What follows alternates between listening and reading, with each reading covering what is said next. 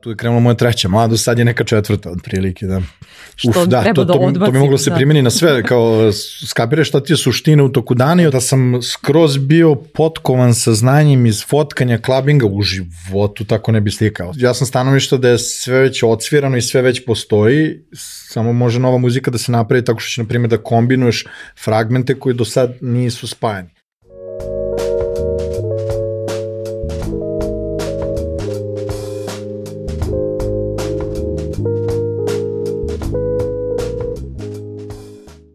Šta god da radim, radim da meni bude lepo i da me oduševi. Rečenica je koja je mene oduševila i uz sve izvrsne snimke koje radi, odmah sam poželjela da Marko Obradović Edge bude gost Fusnota podcasta. Znate već, Marko je fotograf, kinematograf, muzičar, bivši mađioničar, dizajner interijera, kreativni direktor i još mnogo toga. Ali pre svega, on je čovek koji nestaje dok ne sprovede do kraja ideju koju je zamislio. Photoshopira fotke, ali ne i put kojim je do njih stigao. U duhu slogana Grand Cafe, hajde da imamo vremena. Kroz ovaj razgovor cilj mi je da vas pokrenem da pronađete nov način da realizujete svoje kreativne ideje. Marko, zdravo, dobrodošao. Bolje te našao. E, šta, šta, šta pijemo danas, znamo, ovaj, a reci mi ko si u suštini ti? Uh, pa, uh, iz neba pa u rebe. Pa, Bio ovaj mali uvod, kao šta Da, da, piješ, da, da, da. ponudila sam te i odmah. Pa, kako ti objasnim, ja sam jedan klinac koji se mnogo loži na ono što radi i to se valjda vidi i delujem možda neki put i koliko sam entuzijastičan, malo i odbojno, ali je zapravo sve for the good cause, da projekat ili to što radimo ili što snimamo ili što fotkam ili što dizajniram samo ispadne još bolje na kraju kad se sve to sabere. E, Mnogi gosti su mi do sada rekli kao šta je, da kažem, tajna njihovog uspeha, kako je oni me rekao, da ne shvatam sebe previše ozbiljno i nekako sad kad si ti rekao kao ja sam kao, kao klinac i izgleda mi da, da ni ti, da si i ti ovaj, ta osoba A, koja kaže ne, shvata, ne shvatam se previše ozbiljno. Zapravo suprotno, ne znam kako, ono, vidiš svako dete, svako dete shvata sebe jako ozbiljno, tako i ja. Ovaj, uh, mada sad kad si pomenula to da li neko shvata sebe ozbiljno, ja mislim da je to, eh, da ljudi to koriste suviše kao neku poštapalicu, ako ti nešto ne krene kako treba, sad kao nešto nisi uspio ili nisi zadovoljan rezultatom, pa kao ajde nemoj to doživjelaš toliko ozbiljno. U mom slučaju je obrnuto, a, kada se desi da, na primjer, imao sam jako uspešnu izložbu ili neki projekat sam jako uspešno priveo kraju, e, ja onda možda sebi kažem, e, nemoj ovo toliko shvataš ozbiljno, ono da te ne ponese taj uspeh, što se kaže, ono kao raduj se dva sata, posle se baci na sledeći projekat i to je to. E, je li tome da bude opterećujuće nekako? Uh, pa ne, jer uh, ovo sad zvuči kao da sam ja to negde već pročito, pa sad kao primenjujem i delim dalje to znanje, ali je zapravo nekako ulevak ono višegodišnjim radom proisteklo sad kao u neku moju teoriju za sobstveno funkcionisanje. U principu, što se kaže... Ovo, ovo je teorija po Marku. Da, da, Dobro, da o- o- čujemo. što se kaže whatever, whatever uh, floats your boat, whatever boats your float.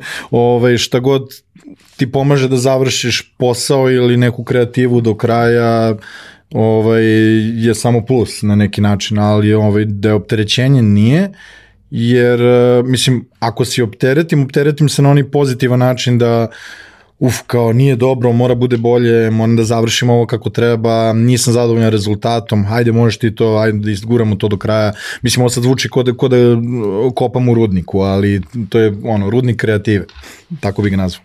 E, taj deo, taj deo tvoje e, ličnosti, kažem, mi je poznat, ali ovi, eto sad, sada i sa drugima da podeliš koji gledaju samo tvoje mm -hmm. ovi, fenomenalne snimke a, i fotke, ali ono što mi je mnogo drago, a, iako pokidaš fotku, ti si istovremeno dovoljno nekako iskren i realno da kažeš da ljudi, ali ja, ono, nije sve meka i medina, kao ja sam se postoji kao ono način kako sam došao do toga i ne ulepšavaš taj, tu stranu a, priče. Da li i, to, i tebi lično to onda kada se, ako se malo i ostaneš unazad, omogućava da onako ostaneš obema nogama na zemlji i da... Jel, lepo što si to primetila, ja sam se zapravo uh, trudio aj, uh, nekako saž, da sažmem to na konkretno na Instagram i na, na to me asociralo isprva na, na captione, na primjer na onaj tekst što ide Da. ispod slike na Instagramu, na primjer, napravim neku nerealno dobru fotografiju, sad bi malo bilo pretenciozno da ja pišem prepotentan neki caption. I uvek sam bio uh, išao na taj neki moment tone down cele priče da, da sam uvek pisao da e, to što si upravo rekla je šta je sve bilo potrebno da se dobije ta slika, ako, slika, ako pričamo o slici konkretno, na primjer, četiri sata sam proveo u jednom mestu sa fotoaparatom u ruci ili neki timelapse je trajao 8 sati ili na nekom eventu ono, čekao sam break da uvotim taj, tu neku nestvarnu fotku gde su svi digli ruke i popalila se svetla na pola sekunde jer inače baš mrakača kad slikate konkretno tehnožurke na primjer ili nešto slično. Znači u tom nekom captionu uvek gledam da, da ne bude najlakše napisati samo je vidite kakva je slika, moja slika najbolja mislim, figurativno govoreći, ali Ovaj, Ali mi nekako... da si Srećković, onako u smislu koje je ovaj, krenulo te, pa slučajno si imao tu dobru fotku, a ne... Pa dobro, da što, što rekao moj, moj drugar uh, jednom prilikom, e, bolje da ljudi da te doživljavaju da, da imaš sreće, jer će onda da te pocene, a to je onda tvoj plus na neki način. Mislim, pričam ko smo svi u nekom ratu, kao tamo posle, ono, kao, pocenili, precenili, u svakom slučaju to je what you see is what you get, slika je pred vama, pa sad kako god je vi doživjeli slobodne za tumačenje u svakom slučaju. Otišli smo u filozofiju. Ali... To je, ovaj, dogovorili smo se da jeste da, da, da, ovaj, ovaj naš razgovor, da. I sad svi kad kažu kao ako -hmm. baš treba da stoji neka ovaj, titula u stoje ime, svi kažu ovaj, Marko Obradović Edge zarez fotograf ili da, da. videograf. A, a ti si u stvari uh, ušao u sve to kroz muziku, što je to prva uh, žeđ ili ljubav. Otkriću ti tajnu, zapravo e, kogod me oslovi nekom titulom je kao, ma šta ti, ja sam dizajner, rekao, ja sam arhitektor unutrašnje arhitekture po fakultetu i diplomi, ovaj, kao, ma, šta, kao ti muzičar, ma kakav muzičar, ti muzičar, pa jesam, pa nisi, pa kao u Balkan Expressu. Ovaj, zapravo bi se nazvao all around artistom, to jest uh, ono, sva što je, što bi rekli. U, ovaj, a, muzika da, jer sam krenuo još da se bavim repom, ono ko što svi u tim nekim pubertetskim danima uh, ono, osnovna srednja škola kreću da rad, da snimaju muziku kao da imamo nešto jako bitno da kažemo. Sad kad zapravo imam šta da kažem, ovaj, nemam neku pretaranu želju da to radim kroz muziku, mislim imam i radim i dalje se bavim time, ali se nećem kad sam napisao poslednji put tekst, imam nešto 300 i kusur tekstova na engleskom koje samo vrtim u krug kad je, kad je neki nastup drum and bass u pitanju, ali generalno je krenulo sve tako nešto od srednja škola i prvi album 2005. Fast Flows, rap na srpskom, klasičan rap za, za to vreme, semplovi i slično i e, nekako je fotografija krenula usput sa dizajnom i ne znam sve ovo ostalo što radim se nekako samo polako nadovezivalo i ovaj načičkavalo tu na celu tu sliku ovoga što sada imate pred sobom. Ali generalno da, prvo, prvo muzika bilo, šta je bila kokoške ili ja je prvo muzika. Da. da li ti sada E, kada se ostroneš unazad, postoji kao, im, posložio si neke kockice. Kada uh mhm. -huh. si pridodavao sve to, kako ti je izgledalo? Uh, pa jako neprihvaćeno od strane, što se kaže, Uh, kao mama ako gledaš ovo da ovaj, od strane porodice i okoline jer kao ajde sad ćeš i time da se baviš sad, ćeš, sad ćeš da budeš fotograf mislim ja sam uh, da kažem clubbing fotograf iako sam ja uvek imao fotoaparat sa sobom uh, kad sam na primer period 2009 10 pa sve negde do 2013 14 sam aktivno se bavio drum and bassom, aktivno u smislu imali smo nastupe jednom, pa sigurno dva put nedeljno, tri put i to ono svuda po, po Srbiji i šire i po Evropi, a, kad je drum and bass, to je što se kaže poslednji pucanj drum and bassa, kad je bio baš globalni fenomen, ovaj, um, nosio sam uvek fotoparat sa sobom. I uvek sam fotkao i uvek kao ajde ne znam ko će da slika ja ću da pofotkam ili uvek dam nekom fotoaparat. Tako sam naučio da ubrzani kurs ono, pa i nikad ga nisam uradio to jest napravio ali mogu bi sad da smo negde na žuci da ti objasnim u dve sekunde šta treba da klikneš na ono laički ako se ne razumeš u fotografiju evo ti klikni ovo dugme samo drži ovo nemoj pazi samo da se ovo ne odvrne gledaj samo ovo. Ok važi šljoc napriš super fotku. O, tako da fotoaparat je nekako krenuo sa mnom da ide tu, tu negde usput i, ovaj, i onda sam clubbing fotograf sam postao bukvalno da kažem, znaš, nije se desilo dok se nije pojavilo na Instagramu ili Facebooku, ali ono preko noći, ono sa, bukvalno sa 30 godina sam ja krenuo aktivno da fotkam clubbing, da kažem, to je to, ja sad, ja ću malo da fotkam clubbing, eto, rešio sam. U godinama kada obično ljudi e, prestaju da aktivno izlaze. Prestanu da izlaze, da, tu je krenula moja treća mlado, sad je neka četvrta, otprilike, da. Ove, je li to, im, to nekako prati uh, i karijeru zasebne, ja, ja to gledam nekako kao zasebne karijere, mm -hmm. odnosno neki zenit u nekom periodu si bio više posvećena muzici, sada mm -hmm. si više fotografija, tako, je li tako praviš te cikluse ili gledaš ili kako? Uf, pa, ili po dekadama života? E, pa, pa sve zavisi sezonski, ako je recimo kad krenu festivali, uh, u stvari u jednom momentu uh, u jednom momentu je zapravo to krenulo da bude puko finansijski, jer su ljudi skapirali, kako sam se uh, probio kao fotograf, onda su ljudi skapirali da je bolje da me zovu da nastupam, jer mi onda kao fi, to je cena nastupa bila jeftinija, A kao, a, on će sigurno poneti fotoaparat pa će pofotka i sebe i sve će da pofotka i ove pre i posle što nastupuje sve, on ne može se suzdrži. Jel ti ok sad ovo da kažeš oko javno? da, da, ma ne, mislim, to je, to, je, to, je, to je baš bila, bila fora i, i zezanje za, za to vreme, jer su onda krenuli da me bukiraju konstantno za nastup, odjednom se taj drum bass i sve te žurke vratilo, jer kao, ma da, on je full package, on sad kad dođe da nastupa sa svojim DJ-em, on će i da pofotka i da snimi video i sve će da uradi. Počeli si da, u kafane da te zovu. Da, da, da, da, da bukvalno.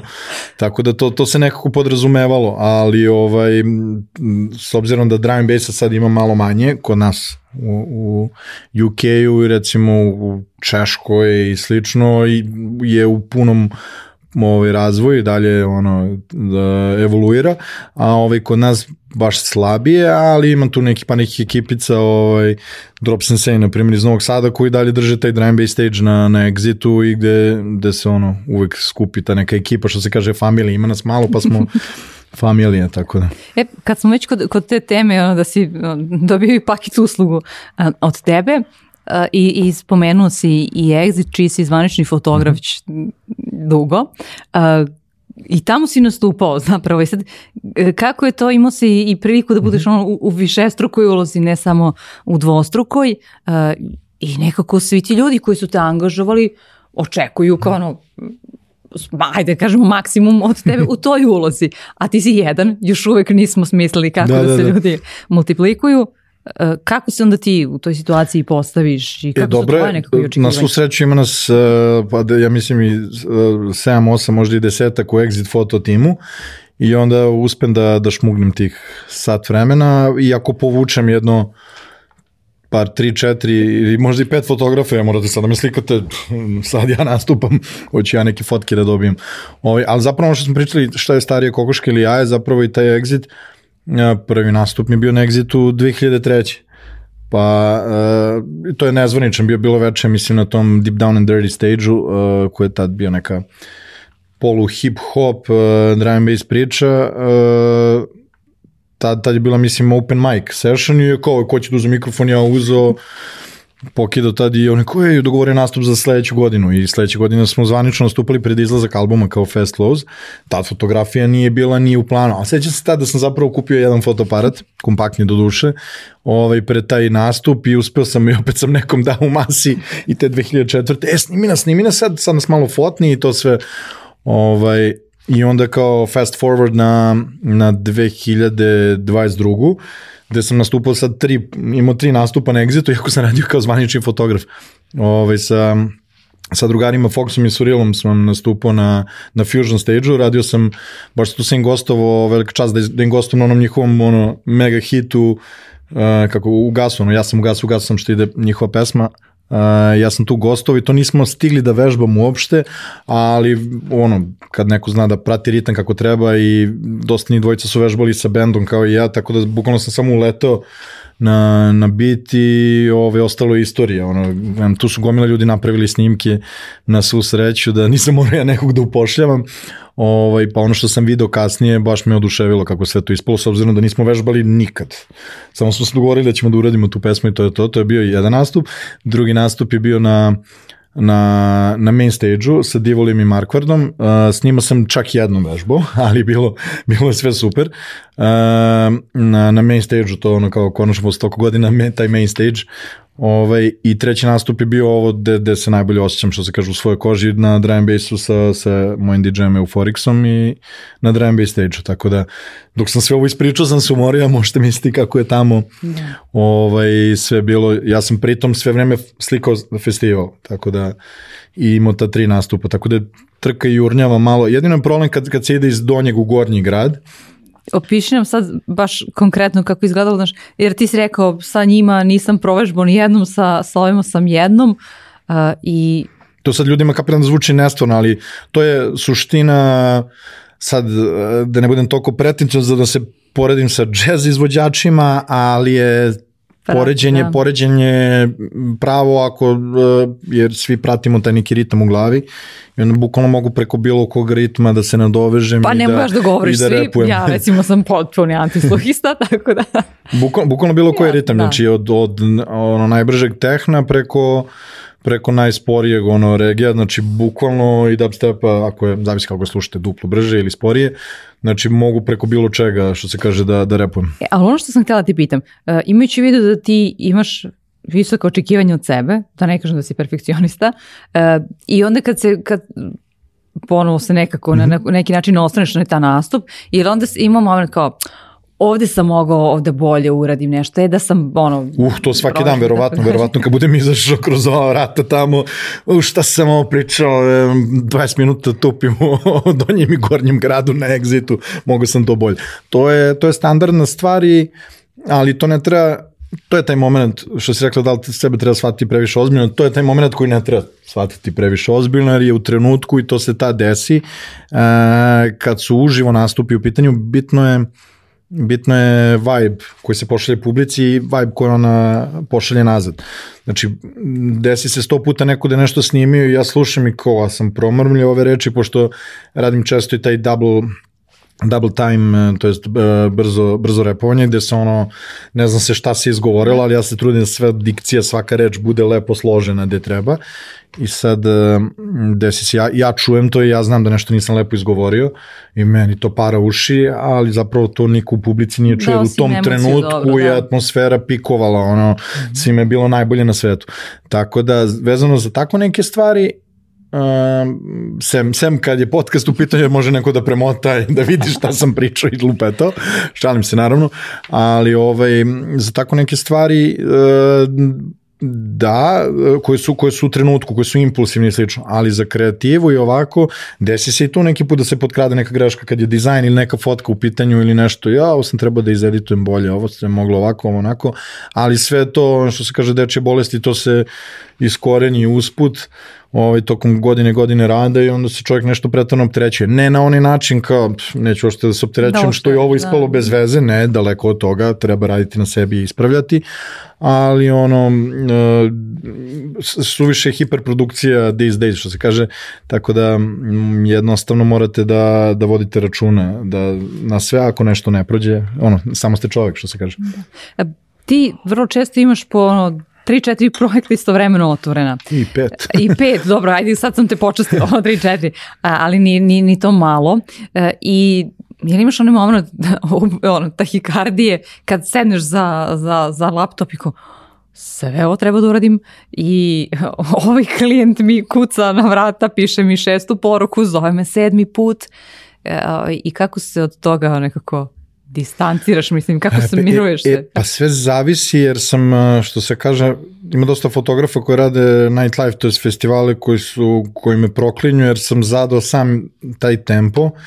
E, naravno i ja patim od prokrastinacije koji svi kreativci na svetu, ali kako se boriti protiv toga tako što je udarite kontru. Uh, na primjer, ja sam za uh, prošlo leto, da, ovo što je tek iza nas, uh, fotkao, mislim, 14 festivala. A vratio si se opet I, u taj ritam. Pa da, i ne, sad sam ispod totalno, sad mi je baš bio problem, evo, ne znam kad će se emitovati emisija, ali sad je iza nas bio ovaj event za vikend Boris Brejča i ide na Sleep Festival, Exitov, sad za vikend i malo baš mi je bio problem da, jer sam sad naviku da ležem u 10 uveče, ustanem u 6-7 ujutru, prelepo mi je, znači im utisak da, da svi spavaju tad, mi kao stvarno što spavaju većina ljudi, i onda mi niko ne šalje nikakve mailove, nikakve poruke, mogu da završim poslove, većinu poslova završim do 10 i posle, posle lagano krene dan.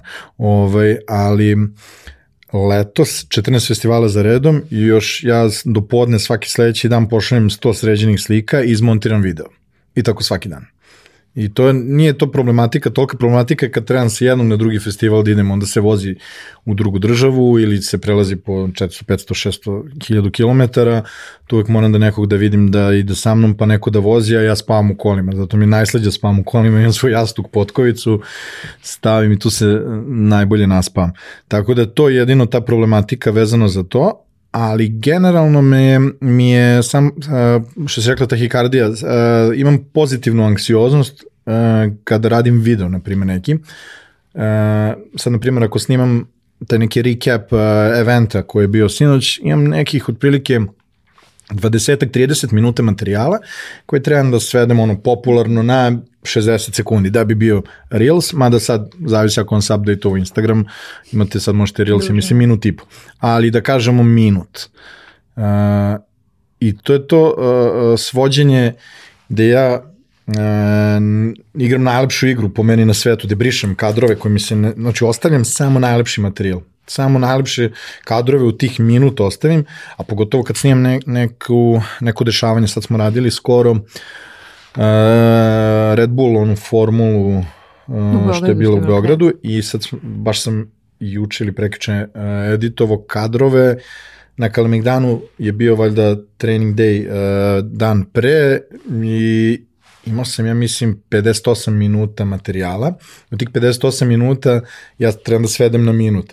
I otprilike kad sam odbacio sve, sve kadrove koji mi se zapravo nisu svideli, ja sam ostao na 20 minuta. I sad imate 20 minuta materijala gde morate sad da isečete na 60 sekundi. To od tih 20 do 60, to jest od 20 minuta na minut, to mi je nešto najlepše na svetu. To obožavam da radim. Jer uh, tu ste najiskreniji, najsuroviji prema sebi, imate tri dobra kadra, morate da odbacite dva. I to je, ostavite samo ono najbolje. Bukvalno samo ostavite suštu suštinu koja treba da, da ispunjavate video. I neko kad gledate video, ljudi će primetiti, sad ja se nadam da takav utisak ostavlja kod drugih, kad gledate neki moj video, ono, uh, svaki sledeći kadar, svaka sekunda, wow, video, video, video, video, u jednom momentu proleće veverica. I to sam isto ubacio na nekom breaku u, u, ovaj, u tom videu, tako da, pošto smo snimali na Kamagdanu i veverica trče sa, sa nekim žirom ili lešnikom ovoliko veliki, mislim tako izgleda proporcionalno veverici i ono, kao, moramo da ubacimo u kadr, to je... E, to je dobra lekcija i za život u kome smo ovaj, pogotovo u današnjem svetu gde ima, ima mnogo toga što Uf, da, treba to, da odbaci. To bi moglo se da. primjeni na sve, kao skapiraš šta ti je suština u toku dana i odbaci sve, sve ovaj, su što se kaže, onaj pozadinski šum izbaci. Uf, kad bi to svi uradili... Kako tebi uspeva, jel si primenio to što, to što si doktorirao kroz A, videografiju na nekim drugim mestima? Zapravo u realnosti je totalno obrnuto, ali je, ali je dobro i dalje, jer mogu da radim 5-6 stvari istovremeno. Ja obično uvijek ono na tabletu gledam seriju neku ili neki film i radim, ono samo štrikam, dok, dok ne dođem do momenta da moram da slažem uz muziku. Uh, na što editujem, radim i ono perifernim sluhom, ono, ja, kad me zapravo nešto zanima, zaustavim, pogledam minut, ono, uvek radim, uvek im, to je, to je zapravo od, ostalo mi od, od osnovne škole kad sam ono, crtao nešto ili čak i kad sam učio morao sam da, da to radim uz muziku i to mi ne smete da muzika ima reči. Znači, ono, na dva fronta bez problema. Da, u tom slučaju kada su dve stvari, uh mhm. -huh. to učenje i uh, slušanje muzike, da, može da nam pomogne bolje da se, da se koncentrišemo. Ali, ali ne, ne oni kliše kao, Uh, kao ne klasika, klasična da, muzika, da, da, nego da. ja slušam onaj muziku koja ima reči i sve, bez problema. Ovaj sam, sam bio, što se kaže, ovaj štreber, bio sam i Vukovac i u osnovnoj i posle srednjoj, ovaj, dizajnerskoj, tako da to je, to na mene nije ostavilo nikakve, što se kažu, posledice, ovaj, da, da sad kao, e, odrazilo se na ocene ili na nešto, znači, bez problema. U mom slučaju, nemojte sad to da koristite kao nužno pravilo, sad pustite deci, ovaj, da možda, ko zna, ono, deca uz tehno, ono, ja ne slušam lično tehno, ali slikam takve žurke, ali uz tehno da uče, neki brži ritam ti ubrzava procese ovaj, učenja, da. samo po sebi. E, ali e, taj moment kada još, kada više od dve stvari uh, radiš istovremeno, uh, da li ti, da li te ometa da kao ono budeš svestan ono trenutke tako dalje, ti je nekad proletio? E, to bi se, to, to sam mi sad podsjetila, to bi se nadovezao na ono što si rekla da uh, kad si mi pitala kao da projekti, rokovi i slično, uh, lakše i, i pozitivno je utiče dobro na, na, na, na krajnji ishod projekta ako, ako na primjer ono malo se odmakneš, kao sad ću da, da iskuliram uh, par par minuta, čak i sati, ako imaš vremena da nešto sledeći dan tek nastaviš, još bolje, jer eh, skapirat ćeš da ste greške, možda je ovo sad kao ovaj color grading malo otišao na ljubičasto ili kako već, uh, i onda se pozabaviš nekim drugim stvarima umeđu vremena. A ako su te neke druge stvari, drugi projekti, kao u mom slučaju, još bolje.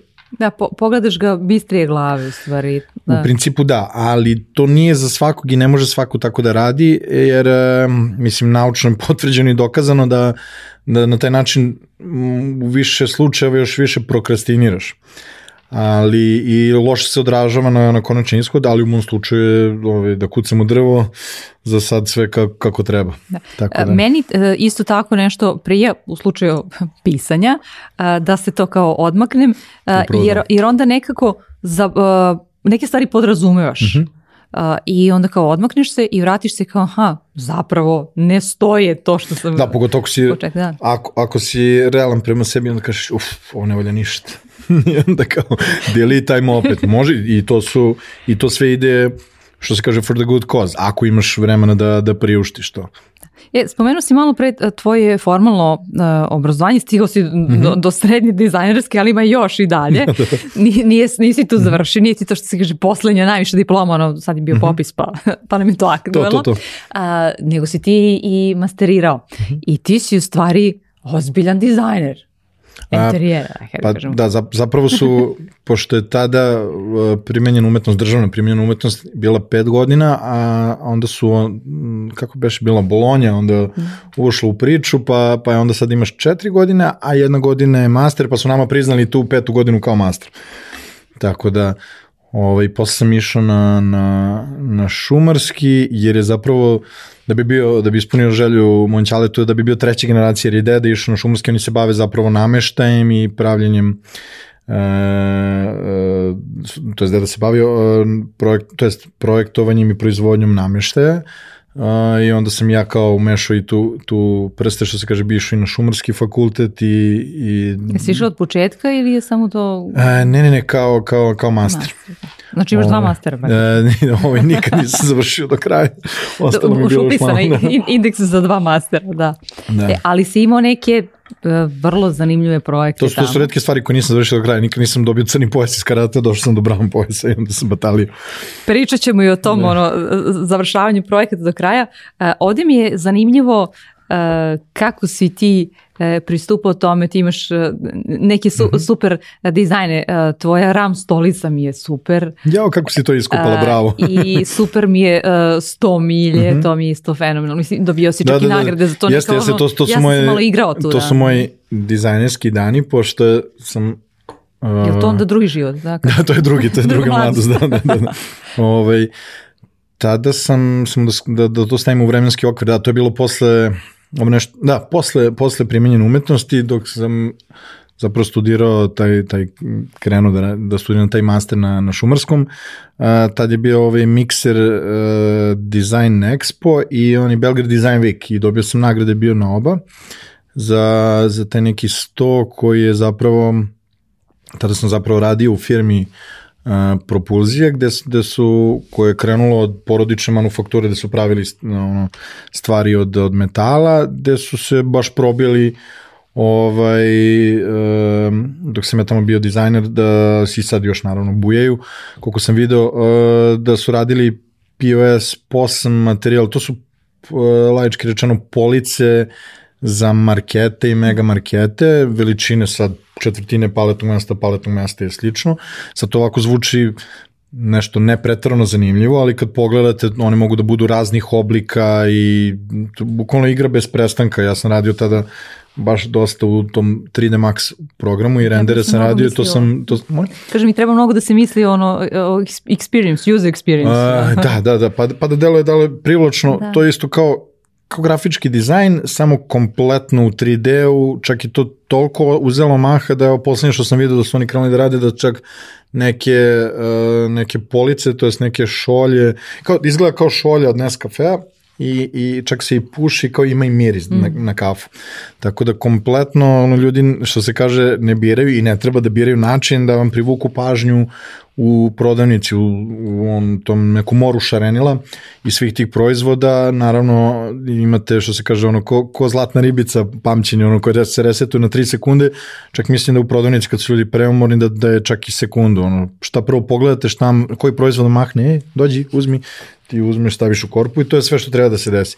Tako da u toj branši uh, radeći mi je dosta dosta sam iskalio te neki zanat koji primenjujem i, i, i, i dan danas. To sam čekala da mi kažeš. Pa to, Šta? I, i, onda sam, i onda sam samo vezano za taj, uh, uh, za, tu, za taj milje, Uh, učestvovao sam, bukvalno mašina je bila koja je bila u pitanju ova pančerica, i to je neka stara pančerica, pa su oni obnovili celu tu mašineriju, ali fori tome što bukvalno mislim da je proizvodna vrednost bila 20 evra, ona možda se prodaje koliko vi poželite, možete za 1000 evra da prodajete taj proizvod, to je bio bukvalno uh, 100 u obliku miljeja, ta pančerica ga izbušila i izrezala, samo se savije, plastificira se i on sad stoji. Znači izgleda kao uštirkan milje koje, ali od metala, izgleda fenomenalno. I kao da je ispod neki nevidljiv sto, zavisi koju sad na, dogradnju vi napravite, na to može izgleda čak i da lebdi. I to, to je dobilo, mislim, dvije ili tri nagrade, a pre toga sam radio stolicu, mislim da ona dobila, nije dobila ni jednu nagradu, pošto Uh, tad, je, tad je važilo pravilo, uh, nije, nisu, nije, nisu bile toliko baš u stolične društvene mreže uh, i meni je bilo jako bitno da nešto što bi dizajnirao, prvo vidim da niko pre toga nije uradio i zanimljivo je bilo, ja sam pretražio ceo internet. Kako sam dizajnirao tu stolicu, posle sam tek našao negde, a ja, već postoji stolica koja se pretvara u sliku, i onda sam malo smorio, ali je for u tome da moj način je potpuno drugačiji od nekog na, tamo, vidio sam neke like u Kini bio napravio sličan proizvod uh, i takođe ne mogu, da u Australiji je slično nešto bilo. To je opet napominjem bilo pre više od, ne mislim, skoro 10 godina.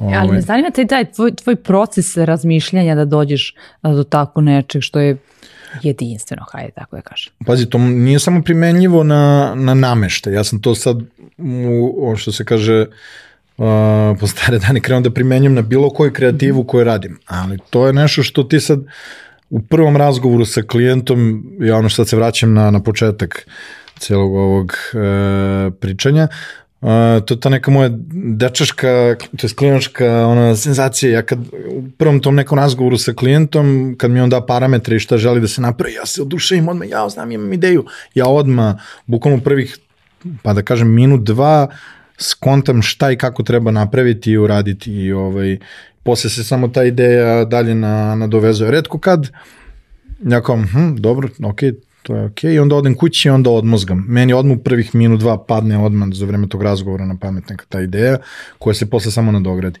Tako da, ja mislim da mi je to ostalo od, od tad, od tih nekih ovaj, kreativnih uh, dana vezano za taj neki nameštaj, te neki proizvod industrijski. Ali e, nekako treba da i istreniraš mozak e, da dolazi do takvih ideja. Jesi ja, shvatio gdje, ko je bio trenutak kada si to, pa, kada si navežbao to, kada si vežbao? Da, da ne mogu da primenim samo obzervaciju neku na, na sebi, to bi morao neko ko me poznaje i ko prati ceo proces, možda moja sestra ili neko ko, ili neki drugari koji me znaju ceo život, ali generalno mislim da da, mora da se, mora da se trenira, jer ja sam samo okružen ljudima koji, koji me, kad mi padne na pamet tako neka ideja koji kažu, jo, kako ti to palo na pamet? jo, kako si ti toga setio odjednom i to i slično. A, meni je bitno da imam taj neki kodeks kreativnog ponašanja, da tako kažem, da ako a, vidim da je neko već nešto uradio, da mi je to ono big no no da ja da to uradim, jer baš imam stroga pravila vezano za sebe samog, ne smijem ništa nikom da ukradem, mislim za ne fizički ovako, nego za, za dizajn, ideje i kreativu nego ja vidim, meni, meni je to proces od par sekundi, vidim da je neko nešto uradio, u fazonu sam, a u, kako ti je upalo na pamet, svaka čast, i onda kao, znaš, ono kao opsujem u sebi, kao bukvalno, i onda kao, svaka čast, bravo, ovo ne smem nikako da, da primenim, ne smem da razmišljam, ovo ide u folder ideja koje ne smeju da se dese, veliki respekt, svaka čast, ne znam kako ti je opalo na pamet, ali to je to. Moje ideje su moje ideje i ja se tako time vodim. E, ali onda prilično sužavaš, uh, mislim, postoji još toga mnogo što može da se izmisli, osmisli i tako o, dalje. O, tom, ali... o tome se radi, možda što se kaže ono, uh, um, sužavam vidokrug, jer, na primjer, vezano za muziku, Uh, ja sam stanovišta da je sve već odsvirano i sve već postoji, samo može nova muzika da se napravi tako što će, na primjer, da kombinuješ fragmente koji do sad nisu spajani. E sad, vezano za kreativu, nije, nije to toliko što ti kažeš da sam ja sad sve odstranio, sad neko je koristio jedan objektiv, ja to neću da koristim. Mislim, da, u mojoj neposrednoj okolini, ako vidim, na primjer, da slikamo festival i uvek pitam fotografe, kolege, drugare, e, šta ćemo, ko ćemo koristiti, ti ćeš zoom, ok, ja neću taj objektiv, ja ću uzeti neku širinu, ok, ti imaš taj objektiv, a ja ću koristiti drugi objektiv. I uh, uh, rukovođenje tim i u malom ti pomaže da posle i na, na neke ozbiljne, ozbiljne projekte pristupiš na taj način, da ih jednostavno ne, ne, ne jer, jer, jer smo svi, ja mislim, tako smo, to nam je u genima nekako, vidimo nešto, jao što je ovo lepo, daj mi to, znaš kao, daj mi taj Kindle, bukvalno.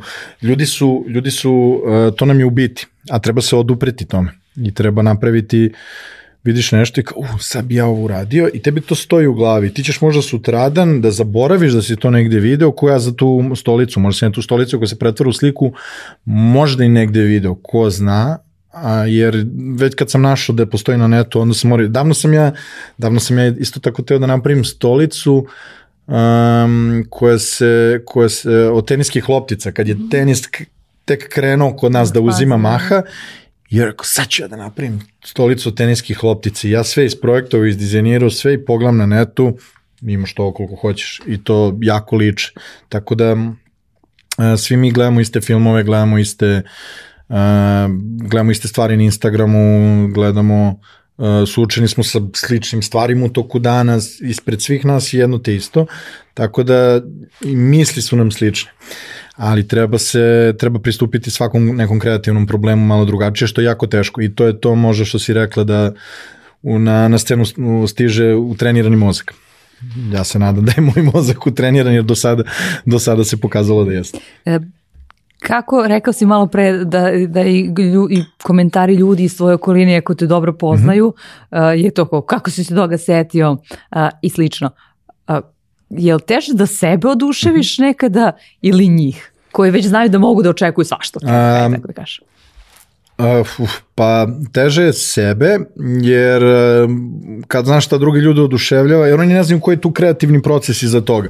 Ja i negde na pola projekta ili na pola neke edita, neke slike, on pošaljem par drugara ono, na, na Whatsappu ili u nekim grupama gde smo i kao, wow, što je ovo super. Eko, kako bre super vidio ovo ne valja, nisam završio ovo vidio ovo, no, no, no, mo super je strava.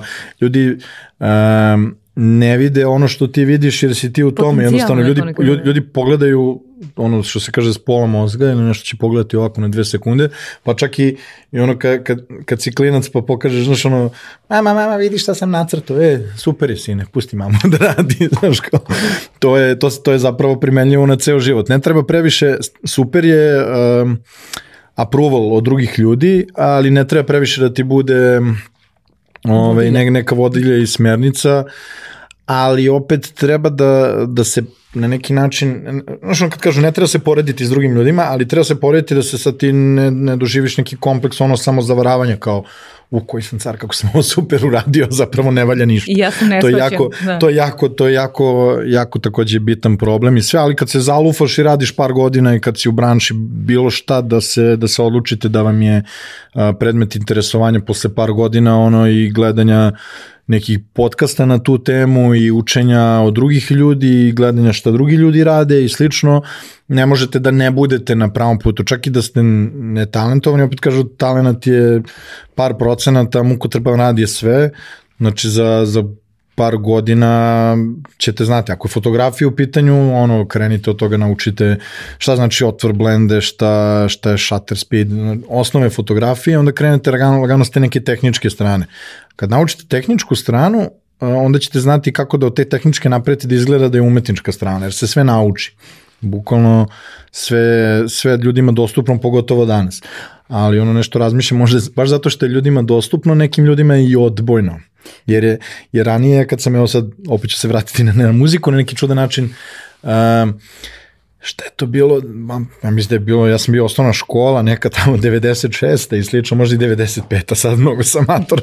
ovaj, znam da je, da je bilo pre nego što su upucali tu pakat, njega su upucali 96. Ono, je, ono sinonim za, za rap tada je bio Tupak. Ovaj, I sećam se da nigde nismo mogli da vidimo to oblačenje, široke pantalone i slično, nego je bila, mislim da je tadašnja TV politika je davala jedno dva sata, dnevno su puštali MTV. I mi ono vidimo, ja vidio neki rap spot, ja mislim da sam ga vidio na, na Blitz nešto i vidio, jo, vidio ovi reperi kako se oblači to i ti pokupiš to, vidiš i sad krećeš da se koncipiraš po tome, na, na osnovu nečega što si vidio ono možda koji minut, dva minuta ti koncipiraš ono ostatak tvog života, oblačenja i slično kao joj, što da budem repreć, sad se oblačim ovako, vidio muzika kako je cool i slično.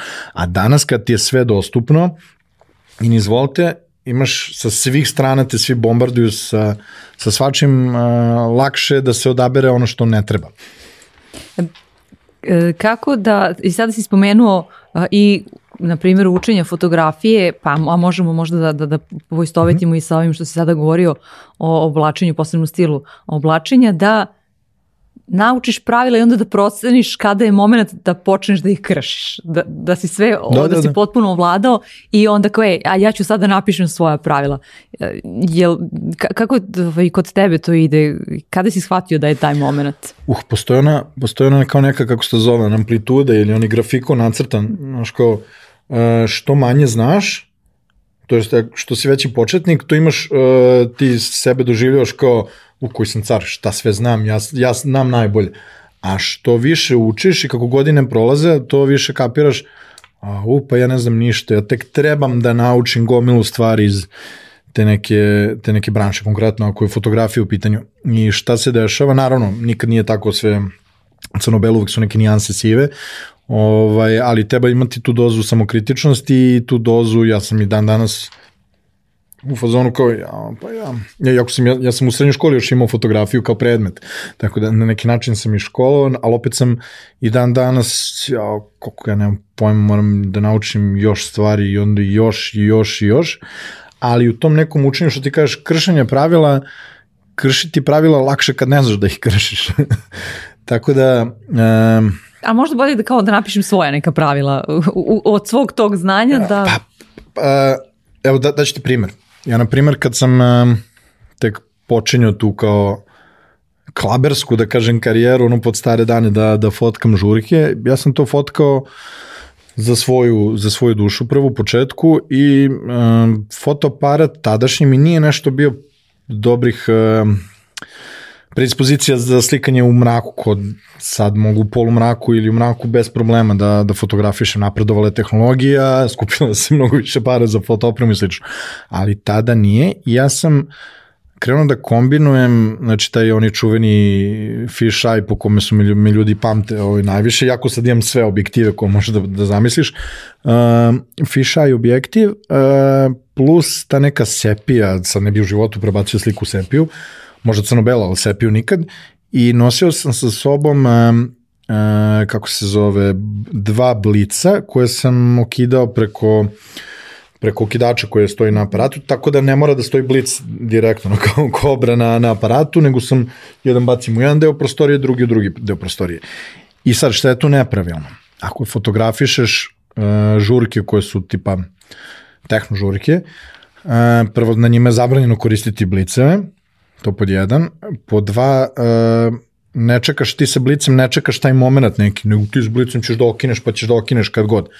I onda gubiš taj neki moment da je masa, što se kaže u hajpu, da su svi digli ruke, uh, da je DJ digo ruke i slično. I onda sam se povodio time, ne znam ni sam, ako mi pitaš sad zbog čega, da sam često puta okidao blicu kad god mi se ćefnulo, razumeš? Što znači, već sam ti naveo dve stvari koje su nepravilne tu, a koje sam ja radio u početku, a koje su samo iz pukog neznanja, na primjer. Ali, s druge strane, te slike, kad sam ih ja sledeći dan, prvi put kad sam odradio to fotkanje, to se zapravo slučajno desilo, ali me drugi da sam prestao da izlazim, tako, tako je počinjala ova treća mladost. Ja sam prestao da izlazim, um, jer je ono batalio sa drum and bass i sve i ono, krenuo non stop, no, samo ono što se kaže, posle kuće. Ovaj drugar, uh, uh, Toxic DJ iz grupe Codex, oni su radili drum bass, oni su dovodili Ronnie Size i kao ja i dođi na žuku, niste vidio 100 godina, donesi onaj tvoj objektiv, onaj jedan, uh, jedan četiri, mislim, blenda, Sigma neka je bila tad, sad, uh, ono, malo je, malo je bolje za, za, za pomraku, rekao, ma, doću ja da fotkam, re čoveč, ajde nešto da budem koristan kad ću tu već da, da blejim na, na bini sa vama i da se zezam. I onda sam pofotkao tu žurku, tad u to vreme, ta čuvena priča da mi neki drugar uh, zezo, a mnogo su mi slike do tad bile ono napucane, saturacija, previše boja i slično. I ovaj, vratit ćemo se posle na tu saturaciju. I ovaj, ja sam došao kući, onako, sveća da sam bio nešto i mali cirki, ona, cirkali smo pivo sve vreme, i sam bio, šta ti meni da su slike presaturisane, sad ćete da vidiš, a? Ja sam slučajno, znači to večer nisam ni spavao, bio sam toko, um, toko sam želeo da završim te slike, da ih okačim što pre i okačio, okačio sam i tada na svoj taj Facebook uh, Deadline Design Studio, tako mi se zove jedna od firmi, imali smo svoj Facebook I ljudi su odlepili sledeći dan. Znači, o, kakve su ovo slike, ovo je show. Znači, eye u kombinaciji sa tom nekom sepijom i sa tim nekim bežičnim uh, okidanjima bliceva koji nisu direktno Sve što danas kaže da je no-no ili dobar deo toga. Da, ali no -no. da, da sam skroz bio potkovan sa znanjem iz fotkanja klabinga u životu, tako ne bi slikao. Sad, ljudi dalje misle da ja, mislim, evo i sad sam, evo, Brejču, sad prošli vikend sam opalio te glavne fotke su mi jesu sa, sa fish eye Mada sad imam neku novu devizu, na slikam s fišajem pa malo ispravljam perspektive da to bude onako ne baš toliko iskrivljeno. Ne znam sam što da to radim, ali interesantno mi je. Ali sad totalno suprotno, sad fotografišem recimo sa Mlad bi rekli da to stvari cringe, ili tako? Kako? Mlad bi rekli da, da, da, da, da, da. na neki način. Pa zavisi, ako, ako prođe, uvek ima ljudi koji se, e, cringe je možda nešto što je, može bude cringe jako uskom krugu ljudi koji, su, koji se bave tom materijom, ali recimo širokom krugu ljudi, da kažem svima ikad, da. je ta fotka wow, e sad E, da, da li se da. opredeliti da. za cringe ili ne cringe, ono je po meni to je, ta reč je samo zanimljiva dok se izgovara u trenutku, ali to, to zapravo da. ne postoji. Um, ne, hoću ti kažem kakav ti onda imaš odnos prema tome, e, svima se sviđa, da neki uh, učeni fotografi... Ja, vidi, vidi, odmah kad si rekao svima se sviđa, sve. to je odbojno, znaš kao, e šta, pa šta ako se svima sviđa, znaš kao. Uh, Ali zbog toga što se tvoje fotke svima sviđa, zbog toga si ti zvanični fotograf toliko festivala, a, tako, većini ne Ima i toga, ali ja, ja, ja čak jednom momentu su, ja sam toko furao taj fišaj, ja ga nisam skidao sa, sa, sa aparata tada, to je bila mislim 2014 na Exitu su meni jednom momentu bili zabranili da, da koristim fisheye, tačno se znam i ko, i pozdravljam ga ovom prilikom.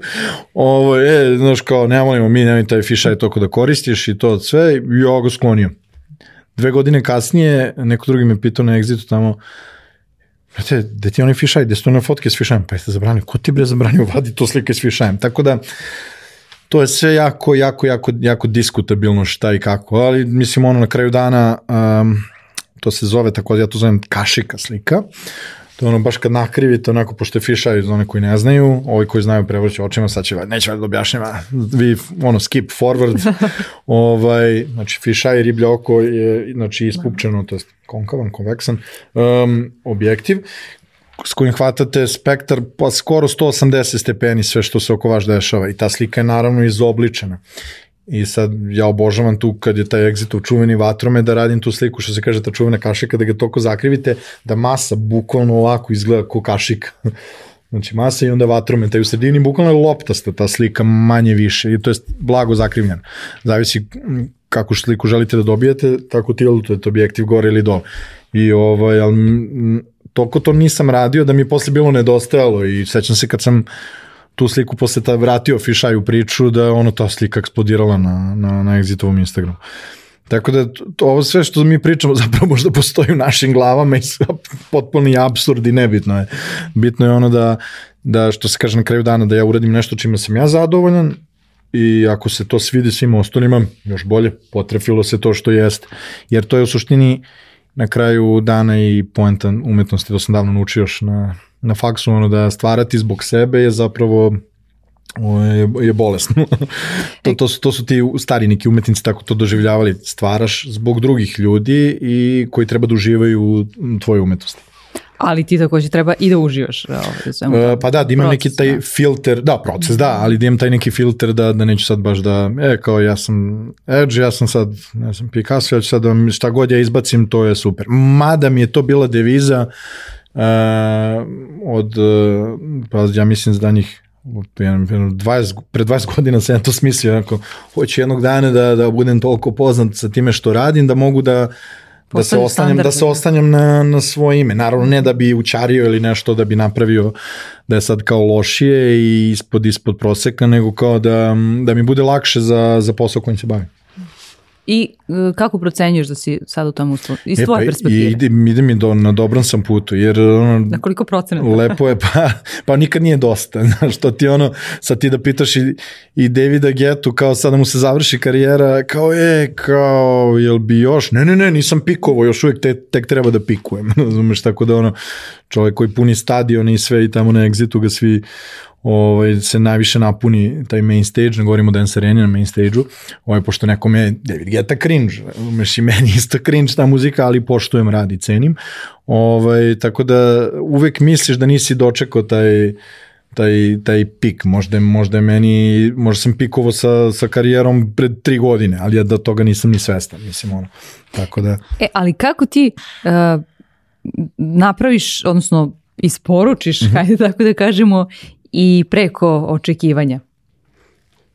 To je možda glavna karakteristika e, e, to mi je, to mi je, da se ne uljudkaš onako. To mi je donelo da. najviše poslova, u principu i najviše saradnji. Konkretno, to jedino mogu kroz primer da, da navedem, uh, radio sam, to jest radili smo, ja još par drugara, uh, DJ, jedan je klaber, pozdravljamo prilikom Raičko, Raičević, ako, ako ne znate njega, ne znate klabing i ovaj Vuk Smiljanić DJ i ja e, smo bili Miller pivo, nas je angažovalo da, da idemo na Ibicu. I tamo da influenciramo sad, kao da kačimo story, mi se provodimo dva, tri nača kluba na Ibici, i onako imamo neograničene količine Miller pive, mi sad tu slikamo pivo, kačimo i slično. I sad, uh, ja sam uvijek išao taj extra mile, što ti kažeš isporučim više nego što je traženo, odnosno uh, ostali odu da spavaju, ja uzem neke slike, izeditujem neke lude photoshopirane slike i slično sa tim Miller pivom i uvek sam slao ovima, to su bili Britanci tad, njima sam slao u direkciju sve te vodke, oni se toliko oduševe da kad se sve to završilo, oni su posle mene angažovali da, da ja predstavim Srbiju, to je kao influencer iz Srbije u Buenos Aires gde su kao influenceri za Miller iz svih zemalja sveta. Sa kojima oni se rađaju. ujedinite se do da, svih da, da, da, da. se. Što mene, svako bi se tu uljuljkao, u smislu da sad kao meni je bio posao da mobilnim telefonom kačim, snimam story, okačim tu i tamo neki post. Um, nastupo je jedan svetski poznati band, stao mi mozak, ne mogu da se setim, Bastilje su nastupali. Uh, I šta je bila fora, ja sam samo trebao da snimam telefonom, bio je Q&A, to jest uh, intervju sa njima, ja sam im snimio nešto 360 kamerom, odmah izeditovao sliku kako su oni silazili sa tog podijuma, ja odmah ovom uh, pevaču grupe, aj, ti slika, vidi kako sam nas uslikao, i u, što je strava slika? I njihov, i njihov uh, menadžer, kao ko si šta radi, šta, u, strava slika, šta, čim se baviš, ja kao ja sam ovde tu kao ja influencer, kao, ali bi volao da vas fotkam na koncertu, jako nisam bio zvanični fotograf namo na, na tom njihovom nastupu, nego sam ja trebao da budem u VIP loži i kao okačim par storija sa pivom i s njima i to je to. I ovaj, je kao, e, može neka ono, narukvica, foto, pas, akreditacija, može, to sam dobio. I onda sam se polomio to veče, sećam, znači uništio sam se koliko sam fotki napravio, Uh, a oni su još pritom uzeli ovu 360 fotku što sam im napravio uh, i okačili su na Instagram. Znači ja sam svoje već ispunio, nisam morao, znači da. Bastilje su okačili i potpisali mi. Onda, to je bilo ono vreme kad vas okače neko na Instagram i taguje, onda vas svi zaprate, to se danas nije slučaj. Ovaj, uh, Pošto znači, te većina ljudi već zapratila. da, da, da, da. da. okay. ovaj, ja sam tu bio u masi, mene su ti ljudi, razumeš, startovali, mas, ja, ti si onaj fotograf, što su te okačili ovi, to je već ono kulminiralo. ja sam fotkao celu, celu to, celo to veče njihov koncert, ostali influenceri, znači kako se završilo sve, ok, sad je kao free time, idemo sve plaćeno, idemo u jedan klub, drugi klub, sve obezbenjeno, ja kao uzeo taksi kao, i otrčao ovaj, u, u hotel i sećam se da sam izeditovao sve slike, završio sam ih, pošto imate foru uh, band ili DJ, oni će da odu na sledeći nastup u 6 ujutru, ono, verovatno im je uvek let ili gde već produžavaju dalje i ako pre toga niste poslali slike, oni su već na drugoj destinaciji, kače slike sa te druge destinacije, ovo pitanje da će ikada uvažiti ili okačiti. I ja otočio on u hotel, sredio sve slike, poslao njima, oni su oduševili, okačili sve slike, to je eksplodiralo. Mislim, iako nisam tu bio zvanični fotograf, ovaj, odradio sam to na, na svoju ruku i ovaj, onda se desilo su me posle kontaktirali iz Millera, iz Londona, imali su u Budimpešti neku aktivaciju, to jest neki event Miller i onda su mene angažovali da ja sakupim tim fotografa i tu zvanično da radim za njih. I tu sam opet bio influencer i opet sam radio sad ovog puta za njih kao vodio sam taj fototim i da bi sve to još više kulminiralo, da bi na kraju za njih radio za neki baš, baš ozbiljan budžet, eh, reklame smo im snimali za, za Instagram u Srbiji i imao sam uh, par sastanaka s njim u Londonu i uvijek se desilo da sam tada bio u Londonu nekom drugom prilikom, nekom drugom prigodom, na primjer fotografisao sam uh, ove Brian Basere, kako se zovu, stao mi je mozak, nema veze, setit ću se, Bad Company, da, uh, i postavilo se, ja sad bio u sred komunikacije sa ovim iz Millera, rekao, nema veze, svratit ću ja do vas, kao oni su imali utisak da sam ja doletao u London ovako zbog sastanka, tako da je to još više rezultiralo da, da je taj, taj posao bio kako treba.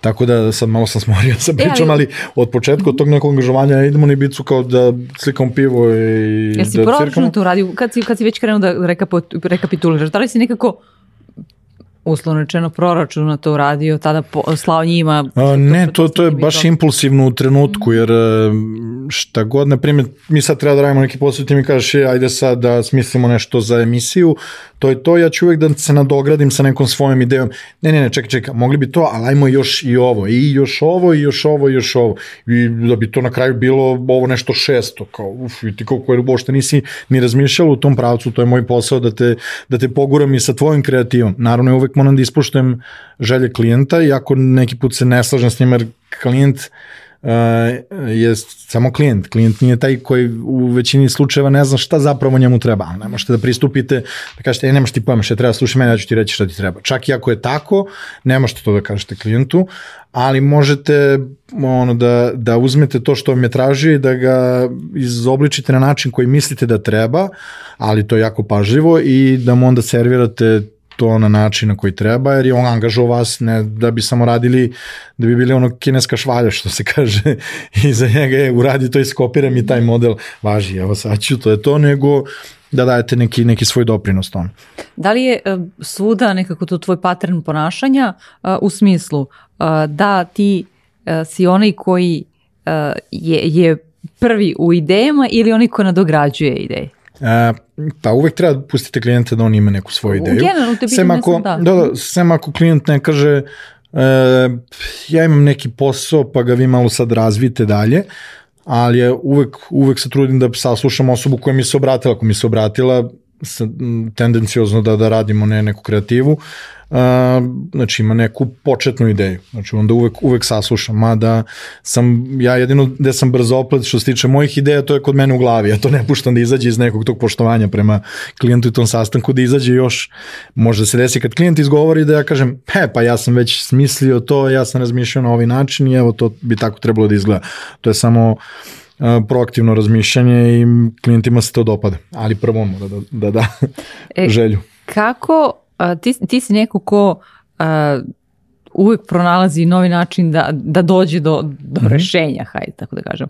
A, je li ima neki moment kada prvo, kada iscrpiš mm -hmm. sve poznate a, načine, kako ti onda padaju oni koji su nepoznati i manje poznati? Hajde da za, za početak bude to pitanje sada. Uh, to, pa to od slučaja do slučaja, to, to sad ne bi mogo da teoretišem kao ovo sve do sad, jer bukvalno kako, zavisi od toga kako se suočim sa, sa, sa, kojim, sa kojom problematikom i kreativom. Obično mi uvek pada, obično se uvek trudim da bude nešto što do sad nije nikad rađeno, konkretno ja da nikad nisam radio, a i naravno da nismo nikog iskopirali, ali i, i, i to na način, i to je to što mi, što mi daje drive. Jer ako u principu želim da izbegnem da, da ne budeš samo štancovanje, da ne bude puko štancovanje, jer ako sad, e, kao, mogli bi da uradimo ovo, ali to je već rađeno, ili da iskoristimo neku staru ideju koju sam već negde sproveo delo, malo ćemo da je promenimo, to, to mi se u startu ne radi. Znači, a imam do sada toliko iskustva i radio sam do sada toliko da mogu nekom i da čak kažem ne i da, da biram poslove, što je, što je jako bitno, da ne bi trošio ni, ni klijentovo ni moje vreme ako procenim da, da to nije shodno. Ali naravno mogu da preporučim neku drugu. A koji je onaj moment kada... Nisam ti dao adekvatan kada, odgovor, kada, koji, ali kažem ti moramo ono da. od primjera do primjera. Koji, koji onaj, koji onaj uh, moment kada kažeš ok, uh, sve sam pokušao, uh, zamislio sam ovo, ali ne mogu da realizujem.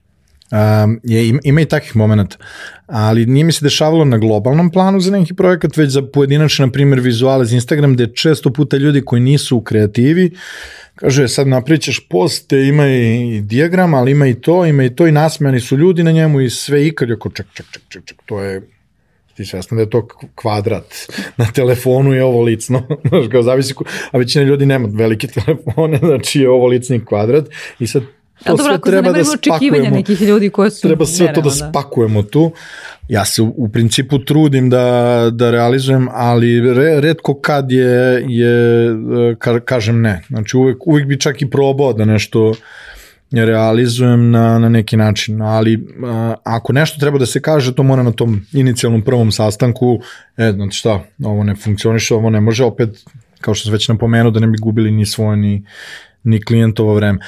Ali, to su e, tvoj projekti u pitanju, to me zanima. Uh, e, postoji druga, druga situacija, u, uh, to nešto nisam još rekao, niti otkrio, uh, u većini slučajeva kad nešto zamislim, ne ispadne tako kao što sam zamislio. Da, znači to je iznenađujuće, ali tako je. Ne ispadne 90% slučajeva ne ispadne tako što sam zamislio i onda tu ide oni mali, mali, blagi moment šoka, kao, uf, pa ovo je nemoguće izvesti ovako kao što sam zamislio u glavi ali nije loša ni ova izvedba koju smo radili, šta više možda i bolja, drugačija, super je, ali hajde da, da ovo sad što se kaže gulimo dok ne ispadne onako baš da sam skroz zadovoljan. I na kraju to um, lični projekti redko kad ispadnu onako kao što sam ih zamislio, ali, ali ne puštam ih dok ne ispadnu kako treba. O tome se radi. Uh, Znaš, sad, sad sam skoro objavio da sam ono sliku svu, mislim, zato kažem lični projekt, da sam sve fotkao sve, patike, da. sve patike, da, sve svoje najke preko 75 pari, nisam mogu da nađem još četiri para, Ovaj, ali tu je veća, 99% patika je tu na slici, ja sam tu sliku skroz drugačije zamislio. Ja sam zamislio drugačiju perspektivu, zamislio sam sebe kako sedim, možda turski sed, a da su patike svuda oko mene i slično. Mislim, na stranu to, ta logistika oko, oko toga do, dovesti u studio 74 para patika, je, sam, sam proces slikanja traja dva minuta, ali donošenje tih patika je e, pakovanje, raspakivanje, ređanje je bilo na 8 sati. E, ali si ipak objavio recimo tu fotku. Nisi bio, nije kako si inicijalno zamislio? Ne, ne, ali morala, morala da, mi, da mi odstoji jedan dan Aha. u glavi, ali nije bila ni približno onome kao što sam je zamislio, ali ispole super. A nekad su ta, što se kaže, ta neka očekivanja nerealne, nešto ne može da se izvede tako. Mislim, moglo je možda, ali mora sam da napravim kompromis, trebalo bi mi još jedno 16 sati što se kaže trial and error, a nisam teo da gubim ni svoje vreme, ni, ni e, ovom prilikom pozdravljam drugare Todora i ekipu koja je bila sa mnom u studiju, koja mi je pomagala, jer je kao to je bio lični projekat. Mm -hmm. nisam, ga, nisam ga radio ni za Nike, ni za koga ovako, nego baš za sebe, jer plani, planirao sam da ga uradim pa bar jedno zadnje, zadnje godinu, dve i nikad nisam imao vremena i rekao moram sad da uradim, to je to. E, gde je taj moment, baš me to zanima kad kažeš, ok, zamislio sam svemirski brod, ne može tako da ispadne, ovo je najpribližnije tome e, ali nije, i moram da stavim. Nije sad kao zamislio svemirski brod, Dobar, a, ali, ali kao papirni avion, nego je, znaš, razlika samo da li je, znaš, kao, da li je Enterprise iz Star Treka ili je Millenniumski Soko iz, iz Star Warsa, sad poređenja radi, znaš, kao, nije ovakav svemirski brod, ali je onakav svemirski brod. Mislim, ta slika mi ima najveći rič i najviše lajkova u zadnjih ono je mislim više od 2-3 meseca slika je eksplodirala zato što je nešto drugačije, novo i posebno i sni, ja pratim dosta tih jer sam baš sneakerhead pratim te, te stranice za patike i sve ja takvu sliku nisam vidio nigde u životu, recimo, do sad. Video sam ono da ljudi slikaju gomilu kutija po zidovima, ljudi koji ozbiljno imaju patika tonu, ili sad patike po zidovima po policama, ali niko da je poređao sve u redove i da je se u sredinu i da se sliko sa, sa svim patikama koje ima. I što je najsmešnije od svega, opet kažem, to, to mi je lični projekat. Znači, treba naći vremena u moru projekata, bez obzira koliko oni bili lepi i kreativni, i konstruktivni i super klijenti i sve, uraditi nešto ponekad tako za, za sebe. Mislim, imam, imam spisak je jedno deset stvari, tako da... Samo deset. Da, koje bi, koje bi radio za sebe, tako da to treba naći vremena i sve. Imam još jednu fotku koju ću sad objasniti kako sam je napravio, um, ali sam skapirao, nisam imao ni vremena da izeditujem. Uh, E, iskapirao sam da nije pametno da ih izbacujem obi istovremeno, to, to neki put napravim grešku, jer imam, e, imam dve iste, dve fotografije koje su, za da budu stand-alone su savršeno super, ali ja ih ubacim u jedan post, pa kao kad neko scrolluje da vidi jednu i drugu i to mi je možda greška. Ovaj, zato sam odlučio da razdvojim te dve slike. Ova druga fotka je, ja sam formiran kao od patika. Znači, fotkao sam, znači, drugar mu je sedeo, kako sam ja, u stvari ja sam se fotno, bitno mi je da uhvatim stopala, to jest patike na nogama, šake i lice i onda je on seo u istu, u istu pozu kao i onda sam ja bukvalno umesto kao skloni lakat ili rame, ja tu sta postavim patiku pa postavim, u stvari uvek sam po dve patike postavljao da bi mogo da se nadovežem kako jedna patika se nadovezuje na sledeću, kako padaju senke i slično. Ja mislim da imam jednom 40 tih fotografija i samo treba da se naseckam, onda ću da napravim kao da sam formiran od patika. To mi isto bila želja da uvek uredim i to, to sad čuvam u šteku, pa ću to isto završiti neki, neki dan, možda sutra, možda za tri meseca, možda nikad. Kako a, ne presuši tvoja kreativnost? Kako održavaš nekako tu svežinu? A, pa evo ti sa primjer, ja sad dok sam ovo izgovorio, ja, ja sam se sad opet napržio, opet mi se radi. To, to je ta ona da, dečačka ono, ono loženje da, da nešto radite, da se igrate sa svojim igračkicama. Mislim, meni su to, meni rad na, na tako nekom projektu lično mi je ono puko igranje iz animacija za zube i ono, ali, ali nemam kad to, to mi se radi. Tako da sad dok sam sad izgovarao, sad, sad sam poželao kao, uh, sad ću kad dođem kući malo da... Da, da, da, mora da, da čačnem uh, taj projekat. Jer, uh, problem je u tome što, na primjer, ne mogu, a, ja ako krenem to da radim, ja neću stati dok ga ne završim. Tako sam, na primjer, radio za, za Cineplex, smo radili kampanju za Star Wars pre 4-5 godina I imam, ti veliki je, fan, tako da? Da, da, imam kostim, imam kostim Stone Troopera da. i Batmana i tako, to je Batmana, sam isto fan. O, to ljudi znaju. Um, nego sam u tom kostimu Stone Troopera fotkao drugara koji je sedeo na na svih, ja mislim, 354 sedišta u Cineplexu i sad nije bila fora da samo multiplicirate te Stormtroopere, nego da on zapravo sedi u svakom sedištu u drugačiju pozi. I onda sam ja seckao, mislim da mi trebalo jedno četiri dana, ali sam se mal, manje više samo bavio time, jer, jer me držao drive, ja sam znao ako ovo prestanem, neću ga završiti nikad, jer je bilo posla preko glave, ali kako sam izrezao, izrezao 4-5 istom trupera i stavio ih da sede jedan po drugi, sad jedan se drži za glavu, drugi jede kokice, treći se kao uplašio, gleda video nešto na, na ekranu, ovaj peti budi ovog šestog i slično, kako sam to video na, na ekranu, tako sam se još više napržio da završim, Jer kao ja, ja vidi još jedan i još jedan i još jedan i još jedan. E, ali kako, uh, kažeš, u tom trenutku si imao mnogo projekata. Pa da, mislim, kao, kao, i, kao, i, kao, kao, kao, kao i sad, na primjer, pa ne, neću tići te, te patike da završim skoro. Da. E, I kako si ipak kao rekao, e, moram da odvojim vremena. E, ali to, ali to je, da. ovo s patikama je bilo, uh, ovo s patikama je bilo za mene, a ovo, za, ovo je bilo za Cineplex, za ovo sam bio plaćen mm -hmm. zapravo. Nego sam ja mogu da dovedem Stormtrooper i samo da ga slikam u bioskopskoj sali, kako stoji, da opalimo fotku i kao, ok, završili smo, idemo kući. Edit. Mislim, četiri sata si to radio, da, od četiri dana. Da. Četiri dana, da. sam to radio jer, mislim, jer sam razmišljao šta mogu da uradim. I onda svaki sledeći put, je, bila je ta neka tradicija, bukvalno u toj sali u Cineplexu smo, svaki, za svaki sledeći film gde su me angažovali, radili smo uh, Captain Marvel tada bili i onda sam stavio da ona kao lebdija, da je sala kao razrušena. I onda sam slikao, na primer, sedišta iz svakog ugla, pa sam imao onda za mustru, pa sam kao seckao kao da su sedišta odvaljena, ona kao sa onim njenim energetskim zracima, kao ono, e, postoji kao taj krater, neki od sedišta i razne pola sale i kao stoji lebdi iznad, a onda smo, onda doš, doš, su došli na red Avengersi i onda sam u studiju prvo pofotkao, ja mislim, imao sam šest kostimir, ljudi u, u kostimima koje sam pofotkao u studiju, pa sam ih onda napravio kada stoje u bioskopskoj sali koja je bila skroz, ono smo rešili skroz razrušimo, bio no, no, armatura otpada, sve, znači sedišta razneta, sve i oni kao Avengersi stoje, ono pola sale gori i slično. Znači za tu sliku ne smem da zamislim koliko mi je trebalo, ali to je isto samo jedna slika, ali meni je držao taj drive da da to uradim. To isto, na primjer, plaćam projekat, ovaj, ono, sad ne pričam o cifri, ali ne, ne može ništa se plati toliko koliko vi uložite uh, uh, sate i dane u to uh, iz tog nekog, iz neke želje da to ispadne kako treba. U smislu, u smislu ne može ništa da nadomesti ako neko već ima želju za da nešto izvede kako treba. Tako da to, to je nenaplativo. E, kažeš malo pre nekako ovaj, više puta toko razgovora si spomenuo da uvijek želiš da uradiš nešto što je drugačije i neviđeno, a i slično. A gde i kako i odakle crpiš onda inspiraciju?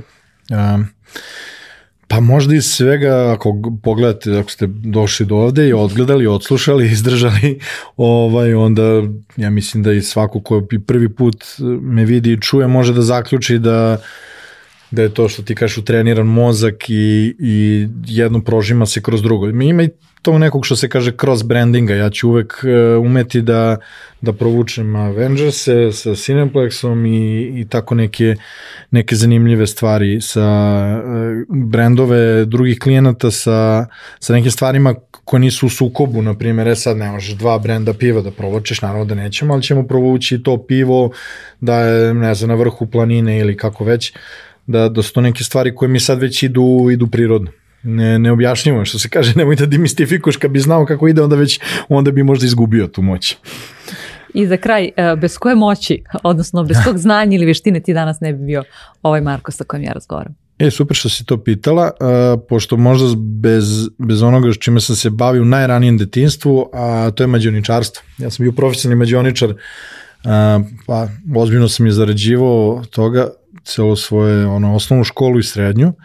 Ovaj, to me naučilo da da, da istrajem, da vežbam neki trik. Ja bukvalno sam ubeđen da uopšte nisam bio talentovan za to, ali to me, to me iskalilo da, da umem, e, to je da kažem satkalo me da umem da, da ono, pričam uh, pred velikim auditorijumom, da um, mogu da, uh, da vežbam trikove sa, sa rukama, da umem da taj moment iznenađenja prenesem posle i, i na i možda i na fotografiju i na, i na ovaj, dizajn i takođe i na, na vizualne te umetnosti grafički, ovaj, tako da mađuničarstvo definitivno, mislim da tome dugujem dosta. A ako ćemo još, još, još, još, još ranije, onda to, pošto sam isprozivao roditelji u jednom momentu bio, aj sad da, da ih pohvalim, jer su me bili a, naterali da još od malih nogu zarađujem svoj dinar. U smislu, pravio sam neke figure od kamenčića, lepio sam nekim lepkom za pločice i crtao neke čovečuljke i to sam prodavao, ja se sećam još, bile tamo imao sam, mislim, 6-7 godina prodavao sam na plaži, ono, idem plažom i prodajem i kao zarađujem za slava. I onda sam se primio kad sam skapirao koliko mogu para, tako da zaradim, prvo su me natarali, a onda sam sam primio, ajde da pravimo ovo, ajde da pravimo još, još, još, još, još. Tako da, to je te neki urođeni osjećaj za biznis još od, od malih nogu. I za, Protkan kreativnošću. I za ono što je tebi lepo i što te čini zadovoljnim. E, hvala ti onda da te ne zadržavam da završiš ove te da, fotke da, da, da, o kojima si sada pričao. To, to.